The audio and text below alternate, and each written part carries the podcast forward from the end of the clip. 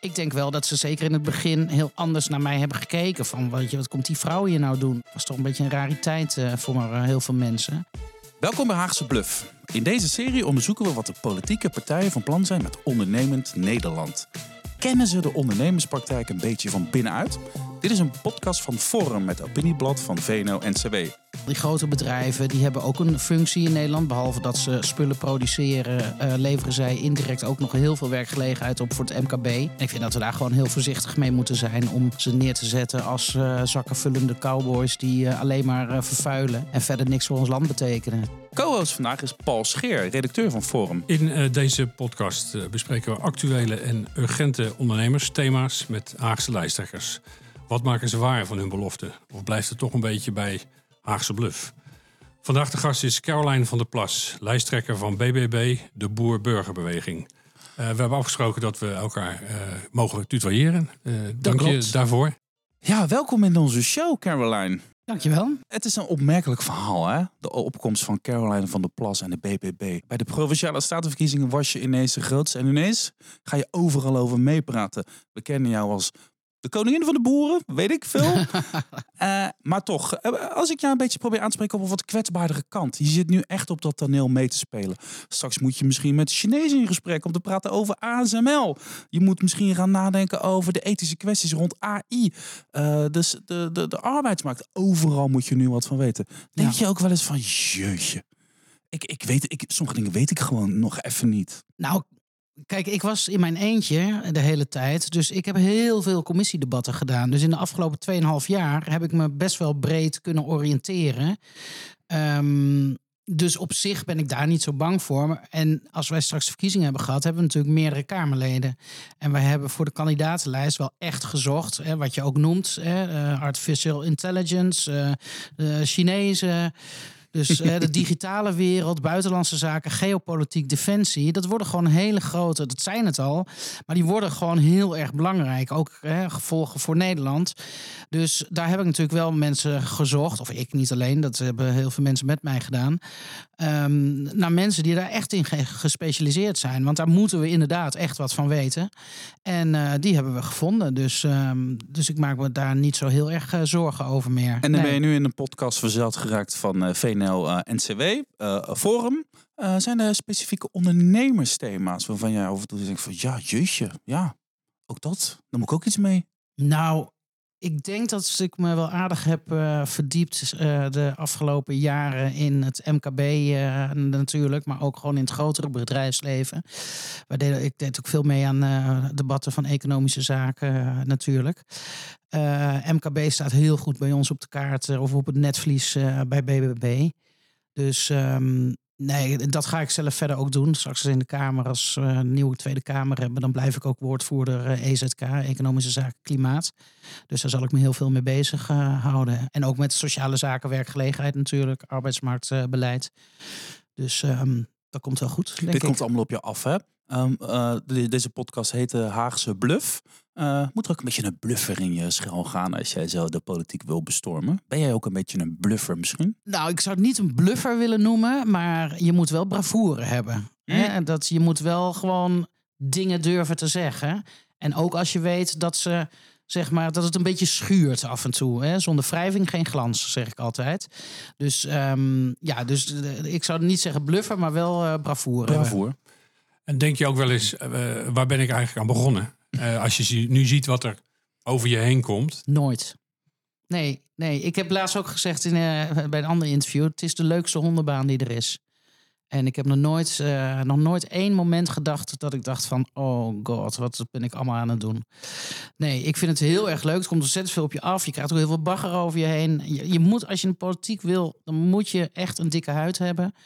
Probeer je niet alles persoonlijk aan te trekken. Maar dit is het mooiste werk wat er is. Dit, ik vind het nog steeds elke dag gewoon een eer om volksvertegenwoordiger te zijn.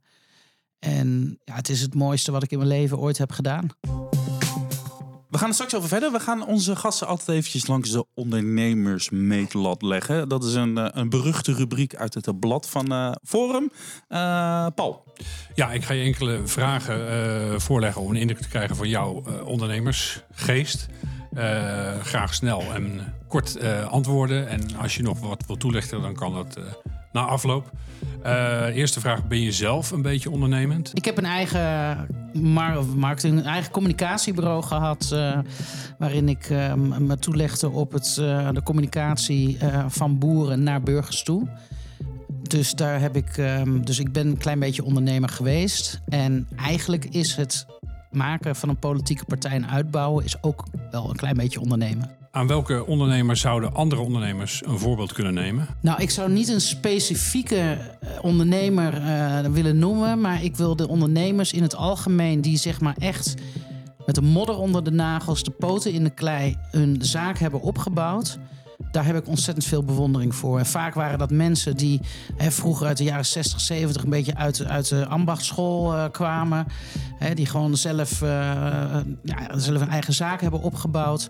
Die heel veel hebben meegemaakt. En daar heb ik ontzettend veel uh, bewondering voor. En wat is het eerste dat je gaat doen voor ondernemers als jij het straks voor het zeggen krijgt? Het eerste wat ik ga doen is um, ervoor zorgen dat er beleid komt vanuit vertrouwen in plaats van uit wantrouwen. En dat ondernemers de ruimte krijgen voor ontwikkeling en niet de hele tijd in een nek geheigd worden door uh, de overheid. En als je een, een miljoen zou kunnen uh, investeren in een idee van een ondernemer, aan welk product of welke sector moeten we dan denken? Ik denk in zijn algemeenheid uh, verduurzaming. Ik denk dat heel veel ondernemers hele goede ideeën hebben hoe zij verder kunnen verduurzamen. Maar ook gehinderd worden door wet en regelgeving. Dus um, met die miljoen zou ik, um, denk ik, in um, technologische oplossingen uh, gaan investeren. die bijvoorbeeld CO2 of stikstof uh, reduceren. Ik wil je ook nog wat, wat, wat keuzes eh, voorleggen. Toch het liefst gewoon kiezen tussen de twee. En mocht je het uh, willen toest nuanceren, dan kan het een afloop. Oftewel, je moet kiezen. Ja, ja we moeten nou. straks allemaal kiezen, dus uh, jij ook. Maar goed, um, uh, de eerste is meer flex of meer vast? Meer vast. Regeren of oppositie? Regeren. Randstad of regio? Regio. Multinationals. Beschermen of meer belasten? De breedste schouders dragen de zwaarste lasten. Maar ik wil ze niet alleen maar belasten om het belasten. PvdA of VVD? VVD. Ik kan Zo. best goed kiezen, hè? Ja. ja, ja. ik ben van jou gewend dat jij in interviews zegt... ja jongens, ik ga niet meedoen met spelletjes waarin ik moet kiezen tussen twee partijen. We gaan straks formeren nu hebben we campagne. Maar nu ja. zeg je PvdA of VVD? Nee, VVD. Ja, nee, kijk, uh, zeker. PvdA is op het sociale domein zeker ook wat voor te zeggen. Um, maar ik vind dat de PvdA wel veel te veel echt zich hele, daarom zei ik ook, niet belasten om het belasten, toch wel heel erg bezig is om zeg maar de grotere bedrijven als een soort van boeman neer te zetten. Um, terwijl die grote bedrijven, die hebben ook een functie in Nederland. Behalve dat ze spullen produceren, uh, leveren zij indirect ook nog heel veel werkgelegenheid op voor het MKB. En ik vind dat we daar gewoon heel voorzichtig mee moeten zijn om ze neer te zetten als uh, zakkenvullende cowboys die uh, alleen maar vervuilen en verder niks voor ons land betekenen. Dus, um, maar ik vind wel dat grotere bedrijven, die hebben natuurlijk wel wat meer kapitaal. Hè, die kunnen ook wel um, misschien wat meer bijdragen aan nou, via de armoede of weet ik veel. Hè, dus het is niet zo dat we helemaal buitenschot moeten blijven. Maar ik hou niet zo van dat gebash van grote bedrijven. Nou, als je zegt, ik, moest, als ik moet kiezen tussen beschermen en belasten, dan, dan gaan we ze wel meer belasten. Kom op. Dan gaan we. Nee, zeker. Kijk, als je zegt we gaan ze beschermen, dat, daarmee zeg je eigenlijk van ze hoeven helemaal niks. Weet je, ik vind dat iedereen gewoon evenredig zijn aandeel uh, moet leveren uh, in Nederland aan, aan, op, op allerlei gebieden. En dan is het logisch dat grotere bedrijven daar wat meer aan bijdragen dan hè, wat kleinere bedrijven of, of burgers met een krappe portemonnee. Hè. De mensen die wat meer geld te besteden hebben, die mogen ook wel ietsje meer uh, bijdragen, maar gewoon evenredig. Ja. Dat, uh, zo zie ik het. En ik hou er niet zo van om iedereen maar een soort van kapot te maken van die zijn slecht en wij zijn goed. Weet je, we leven op een heel klein stukje aarde met bijna 18 miljoen mensen. En um, proberen elkaar een beetje heel te houden. En ik denk dat er ook heel veel bedrijven echt wel bereid zijn om hun rol te pakken. En dan zeg je, als ik moet kiezen tussen de Randstad of de regio, dan kies ik voor de regio. Ik had eigenlijk ook niet anders verwacht. Maar nu ben je dus wel een regiodame die dus in de Randstad dingen voor elkaar moet zien te krijgen. Doet dat iets met je? Ben je, voel jij je dan ook anders in die, in, die, politieke arena? Of ben ik nou een beetje dramatisch aan het doen? Nou, ik voel me niet, uh, nee, ik voel me niet anders. Um, ik denk wel dat ze zeker in het begin heel anders naar mij hebben gekeken. Van, weet je, wat komt die vrouw hier nou doen? Weet je, die, wat, dit is helemaal niet eh, het is niet ons soort mens of zo. Hè? Het is toch een aparte. Ja, ik was toch een beetje een rariteit eh, voor maar, eh, heel veel mensen. Maar ik denk dat me, ja, de politici er nu wel aan gewend zijn dat ik eh, ja, wel gewoon echt serieus met dit werk bezig ben. En dat ik niet een soort van eh relnicht ben die, eh, sorry voor het woord, ehm, die eh, maar een beetje de boel op stelte komt zetten. Dat vind ik wel leuk af en toe, maar het is ook wel serieus werk om gewoon eh, goed je werk te doen. We hebben grofweg drie thema's meegenomen vandaag. We hebben het over de kloof, whatever that may be. want Het kan overal over gaan. We hebben het over de industrie, maar we beginnen met de stikstof. En dan Paul heeft eh, steeds een introducerende opmerking of vraag vanuit de ondernemer in Nederland meegenomen. Paul, Ik wil je een citaat voorleggen van eh, Job Dura, eh, de baas van bouwbedrijf Dura Vermeer. De bouw heeft ook last natuurlijk eh, van het land eh, dat, dat op slot is als gevolg van de stikstofproblematiek. En daarover zei hij eerder in Forum, eh, pak de grootste eh, 25 uitstoters eh, aan door ze uit te kopen. Eh, dat zullen vooral boeren zijn, was zijn inschatting. Maar er kan wat hem betreft ook worden gekeken naar de top 5 van de industriële uitstoters. Nou, ik denk dat de bouwwereld ehm, zich misschien wel een beetje heeft laten uitspelen tegenover de boeren. Hè? Maxime Verhagen van Bouwen Nederland, eh, die heeft ook wel een tijdje gehad van ja, het is eh, een beetje in de trant van koeien of huizen.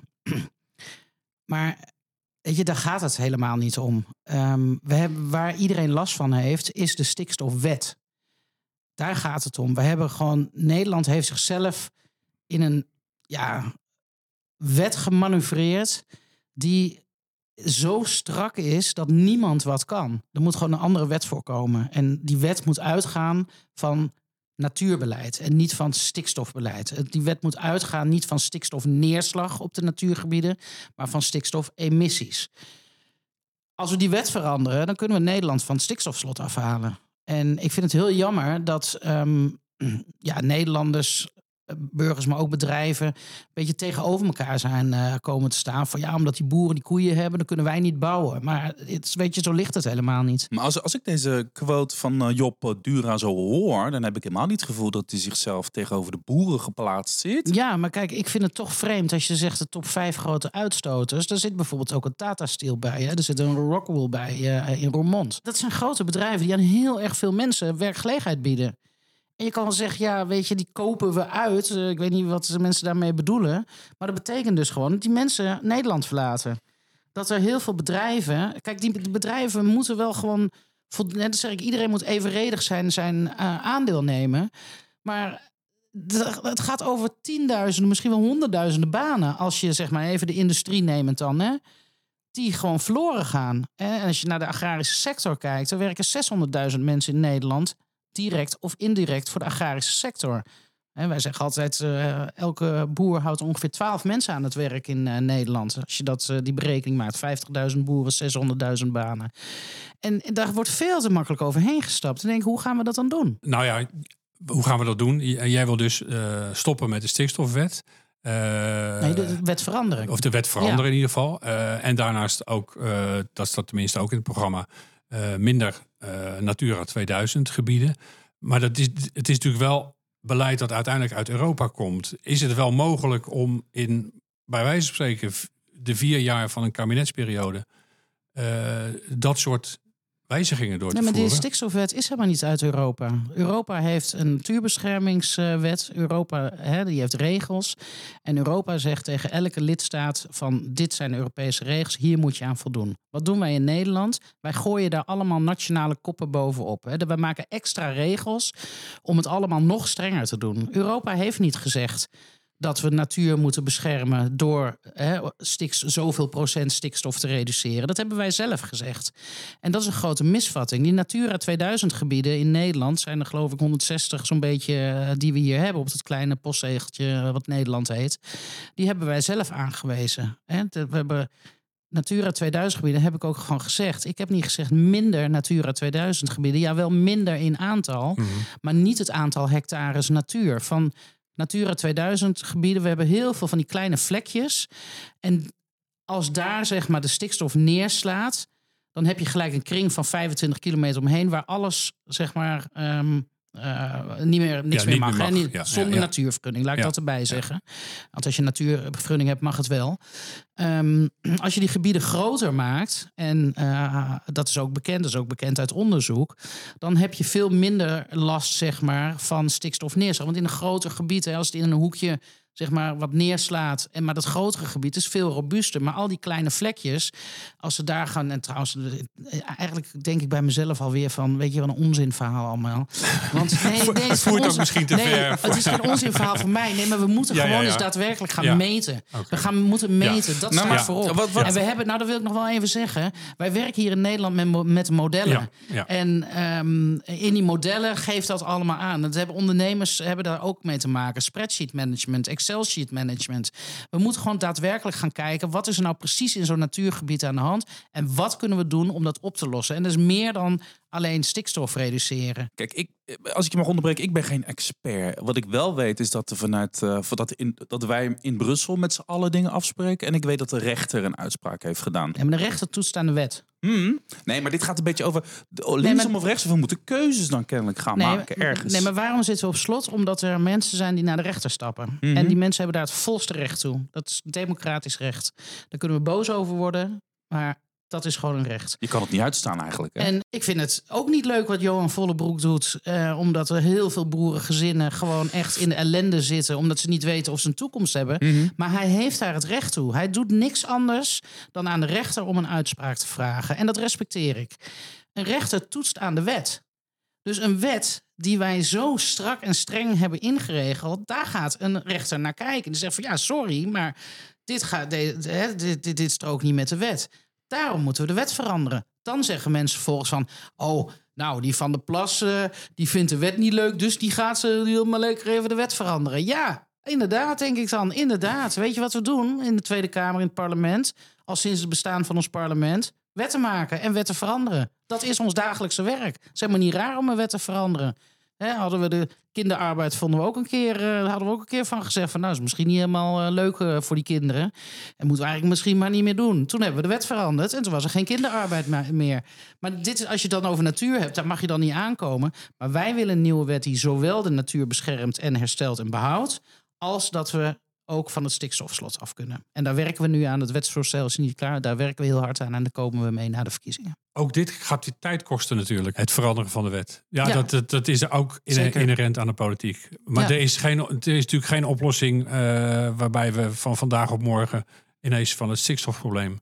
Oh, Links of rechtsom, het zal altijd tijd kosten. Ja, nou, daar heb ik twee dingen over te zeggen. We roepen ook al tien jaar eh, dat het eh, heel lang duurt om kerncentrales te bouwen. Vervolgens hebben we nog nooit een kerncentrale gebouwd. En nu zeggen we weer dat het wel tien jaar duurt. Dan zijn we twintig jaar verder. Dus je moet een keer echt beginnen. Ten tweede, toen we in de coronatijd leefden, toen wilde de regering heel graag een avondklok. En die, maakte, die stelde de avondklok in. Toen is iemand naar de rechter gestapt en zegt eh, dat is eh, tegen de wet. En toen zei de rechter van ja, meneer eh, Engel in dit geval, u heeft gelijk. De avondklok mag niet. Wat deed de regering? Die maakte binnen drie dagen een noodwet. Waardoor de avondklok kon worden ingesteld. Dus het hoeft helemaal niet lang te duren. Dit heb ik heel vaak gezegd in de Tweede Kamer. Het kan gewoon. Je kunt een noodwet maken. En dat mag ook van Europa. Want in de, een beetje technisch verhaal, maar daar ga ik niet te diep op in. In de vogel- en habitatrichtlijn van Europa staat in een artikel dat als de sociaal-economische maatschappelijke gevolgen zo groot zijn van een beleid, dan mag een lidstaat daarvan afwijken en een lidstaat moet zelf aangeven wat de urgentie dan is. Het enige wat je in Den Haag hoort de hele tijd bij het kabinet, kan niet, mag niet. En zo heb ik ze ook een paar keer genoemd. Dit is het kan niet, mag niet kabinet. En daar moeten we van af. We moeten kijken wat wel kan. Nederland zit gewoon op slot met stikstof. En daar hebben heel erg veel mensen last van. Tot en met die 28-jarige die op zolder slaapt bij zijn moeder. Nog steeds. En tot zijn 35e misschien geen uitzicht heeft op bewoning. Dat kan gewoon niet. Heb jij nog zo'n eh, kwestie klaar liggen, Paul?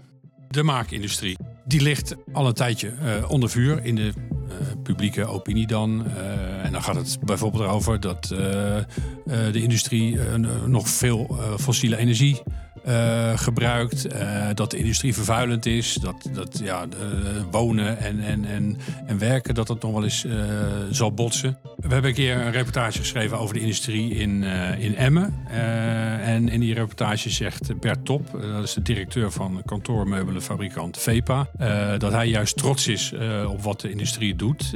En hij zegt dan, wij maken van niets, of bijna niets, iets moois. En vervolgens hebben we diensten nodig en hebben we allerlei bedrijven bij nodig.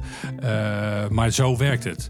Als er alleen maar accountants waren, dan hadden ze niks te doen, zeg ik altijd. Kijk jij ook zo tegen de industrie aan eh, als een, een noodzakelijk iets, waardoor Nou, meneer, het Top, andere eh, ook kan, meneer eh, Top is een eh, man eh, naar mijn hart, zou ik bijna zeggen. ja, ja. Een kandidaatje voor de lijst of niet? Nou ja, kijk, de lijst staat eh, helaas al eh, vast, maar hij mag zich altijd melden als lid.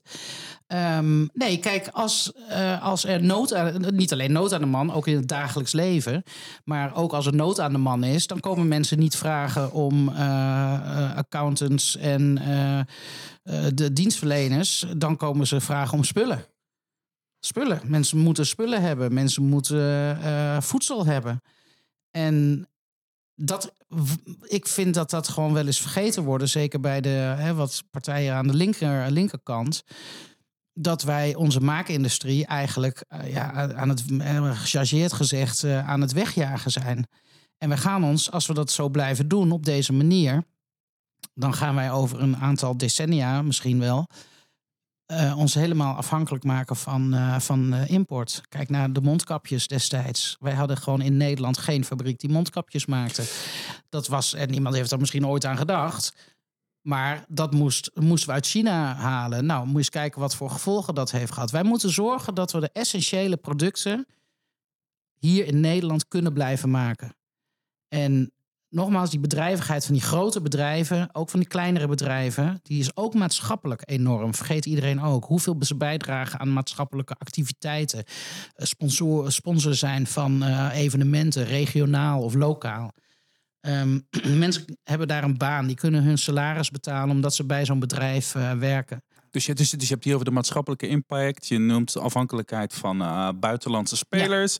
Je zegt in je verkiezingsprogramma ook... er moet een soort permanente campagne komen voor Nederlanders... om hen te stimuleren om Nederlandse producten te kopen. Eh, we weten inmiddels dat, dat je de, de, de boeren omarmt, de agrarische sector. We gaan nu natuurlijk nu een beetje uitzoomen. Welke sectoren heb jij nog meer zin om, om je tanden in te zetten? Wat zijn dan die sectoren waarvan jij zegt van... ja, daar ga ik me hard voor maken? Nou ja, de, de maakindustrie, de ambacht, maar ook bijvoorbeeld de technologische industrie. Hè. Kijk, als je kijkt naar een ASML, eh, ja, dat is een fantastisch bedrijf eh, voor Nederland. technologisering. Ik denk gelijk aan AI. In jullie verkiezingsprogramma gaat het over een minister van Digitale Zaken. Nou, als je het hebt over de vlekjes binnen alle ministeries. Je kan een minister eh, aanstellen die toezicht houdt dat we en privacy in de gaten houden. Nou, en al dat soort dingen.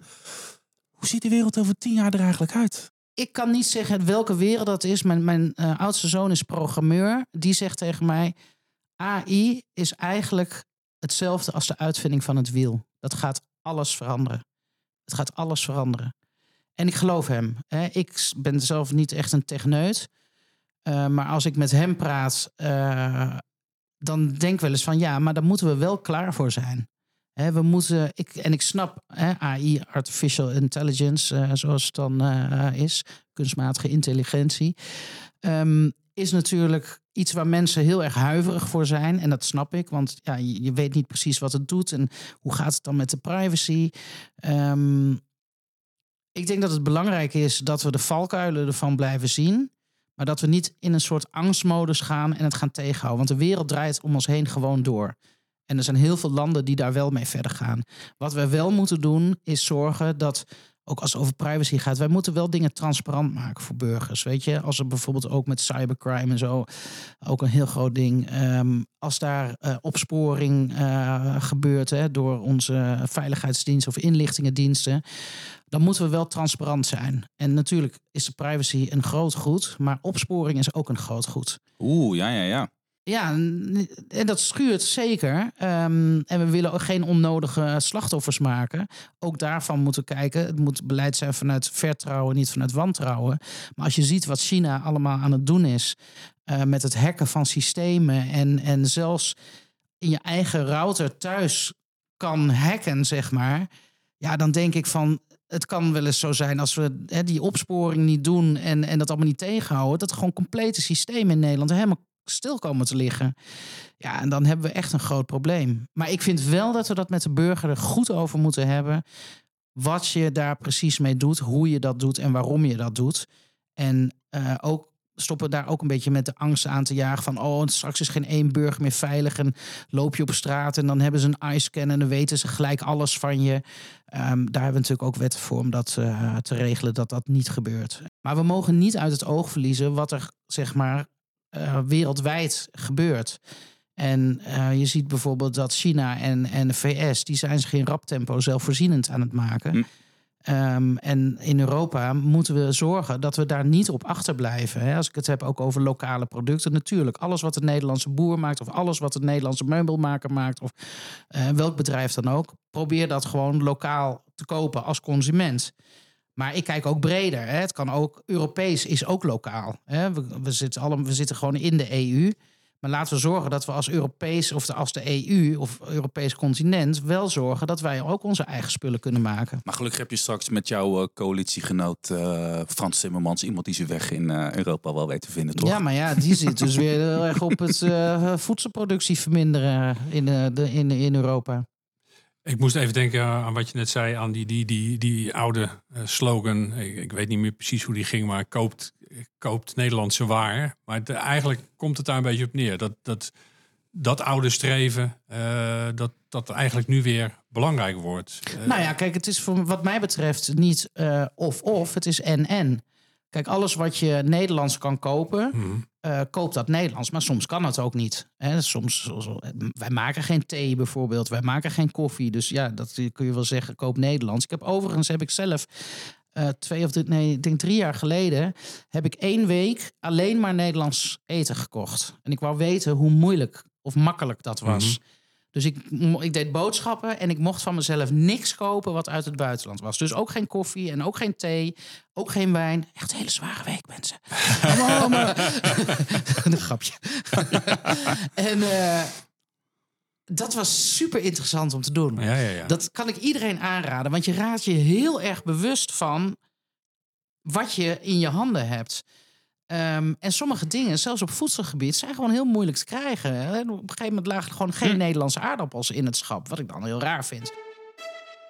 We sluiten het gesprek af met de kloof. Ja, die kloof die zie je op allerlei uh, niveaus. Uh, tussen groepen mensen, tussen gebieden, tussen de politiek enerzijds en uh, burgers en, en bedrijven anderzijds. Ik heb hier een, een citaat over, ook weer uit, uit Forum. Ondernemers staan met hun poten in de klei en krijgen te maken met een oerwoud aan regels die bedacht zijn door mensen die nooit hebben ondernomen of een echte baan hebben gehad. Ja. Vind je daarvan? Herken je het citaat? Het is um, iets wat gechargeerd, maar ik denk dat het wel nodig is dat mensen ook echt weten, bijvoorbeeld wat het is om ondernemer te zijn. Maar inderdaad ook een echte baan uh, hebben gehad. Wij hebben ook wel mensen hoor, uh, op de lijst staan die van een ministerie komen. Maar er zit bijvoorbeeld ook een, een, een wijnhandelaar. Dan kom ik weer met wijn. Iedereen ja. denkt dat ik een alcoholist ben. nee, dat is, daarom hebben we hem niet gekozen hoor. maar uh, um, of echt bezig zijn geweest met concreet werk. Wat je nu heel vaak ziet. Overigens nog het is ja. een citaat van jezelf. Ja, uh, ja. Oké, okay, nee, omdat je zei, ik vind hem wat gechargeerd. Ja, maar hij, dat was misschien bewust ook gechargeerd. Hij is, hij is gechargeerd, okay. ja. Daarom zeg ik ook, zei ik al eerder, je moet soms iets de rand opzoeken. Ja, ja, ja, om, maar dit was maar, een citaat dat heeft ze uitgesproken voordat ze die wijnhandelaar had ja. ontmoet. Ja, ja, ja, ja, ja. ja. Nee, um, hij is gechargeerd en dat realiseer ik me ook ik zeker. Vond hem, ik vond hem bij nalezing dacht ik, het is toch wel een beetje hard tegen al die hardwerkende ambtenaren. Ja, maar ik heb nooit gezegd dat ze niet hard werken. Okay. Iedereen denkt altijd van, ja, maar ik werk toch hard? Ja, maar dat betwist ook niemand dat je hard werkt. Hè, het is ook niet een aanklacht naar hun van, je kunt niks omdat je nog nooit ergens hebt gewerkt. Wat wel belangrijk is, is dat mensen wel met de poot in de samenleving staan. Bij het ministerie van uh, Landbouw, Natuur en Visserij was een tijdje geleden een vacature uh, voor een beleidsmedewerker uh, visserij. En er werd alles gevraagd in de vacaturetekst, behalve affiniteit met de, met de visserij. Nou, dat vind ik dan raar. Hm. Dan denk je, je moet in ieder geval iemand hebben die weet hoe het daar werkt. En die mensen komen daar met alle goede bedoelingen. En weet je, het zijn ook echt geen nitwits hoor, zo wil ik ze ook echt niet bestempelen. Maar die komen in een systeem terecht van die spreadsheets en die Excel. En die gaan dat dan gewoon doen. En dat snap ik. Je wordt ergens voor aangenomen en dan ga je dat doen. Is dit de belangrijkste kloof in de samenleving? Die tussen Den Haag en de rest van Nederland? Ja, ik denk dat de overheid te ver van de burger is eh, afgedreven. En ik vind ook niet dat er een kloof is, hè, zoals mensen wel eens zeggen, een kloof tussen Randstad en platteland. Want die is er niet. Want ook in de buitenwijken van Amsterdam en in Rotterdam voelen mensen hetzelfde als dat ze op het platteland eh, voelen. Maar ik vind wel, kijk, dat heeft de Nationale Ombudsman ook eh, regelmatig gezegd. De overheid is voor de burger en niet andersom. Mhm. En dat moet veranderen. De, de overheid moet er weer, burger die staat op één.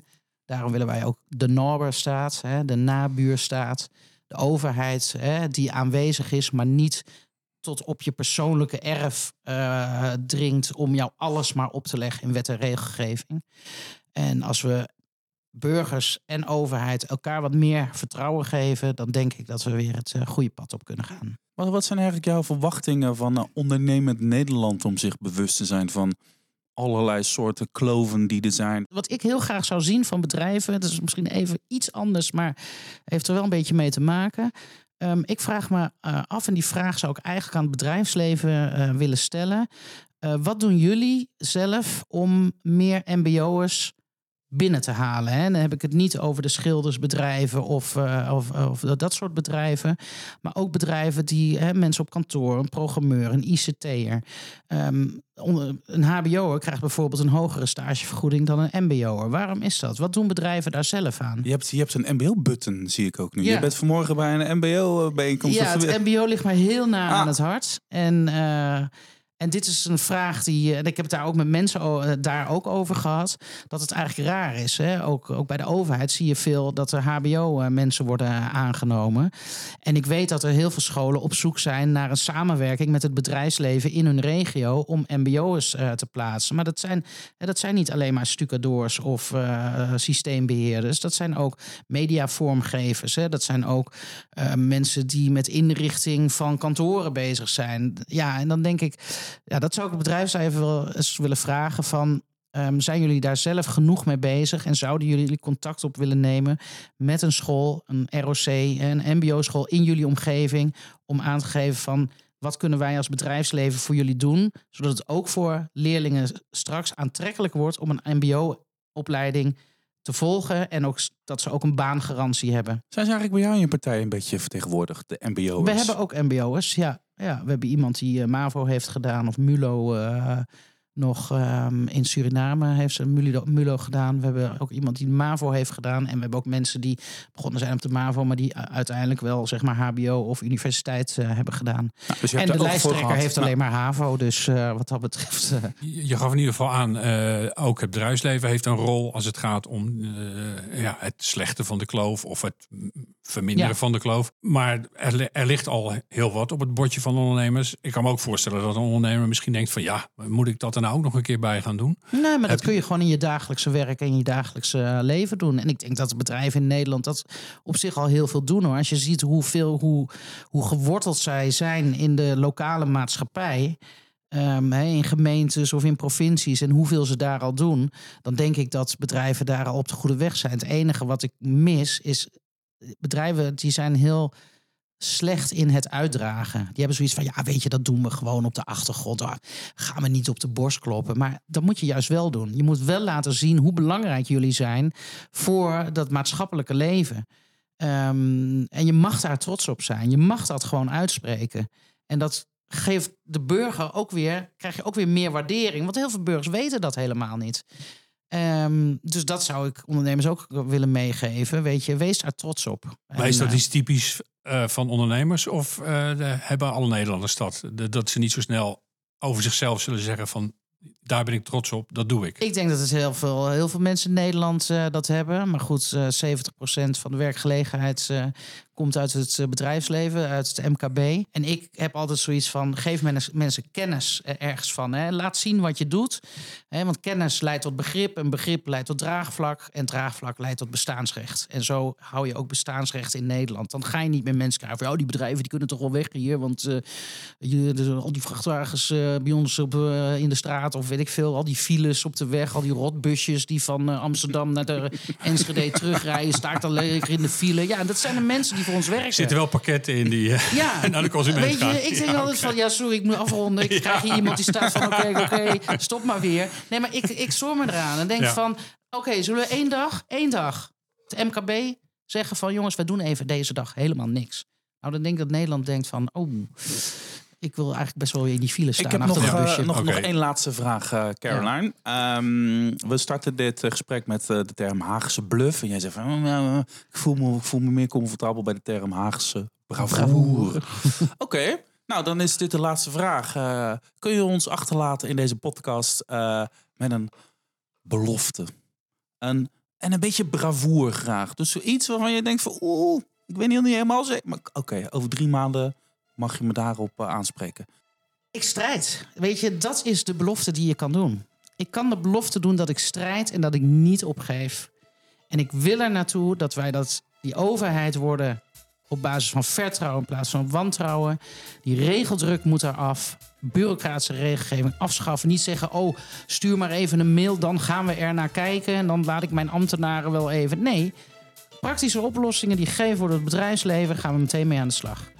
En daar mogen ze uh, op rekenen. En dan hoop ik dat ik de rest van de coalitie straks meekrijg. En niet dat emmer de hele tijd dat dingen niet kunnen en niet mogen. Caroline van der Plas, lijsttrekker van BBB. Dankjewel voor dit gesprek en succes tijdens de campagne. Dankjewel. Paul, we hebben een heleboel andere leuke uh, gesprekken gehad. We gaan nog een heleboel gesprekken hebben. Uh, waar kunnen we deze terugvinden? Uh, dat kan via je favoriete podcast-app uh, of uh, op de website opiniebladforum.nl, waar ook nog genoeg andere artikelen staan over het bedrijfsleven en de politiek. Dankjewel. Graag gedaan. Bedankt.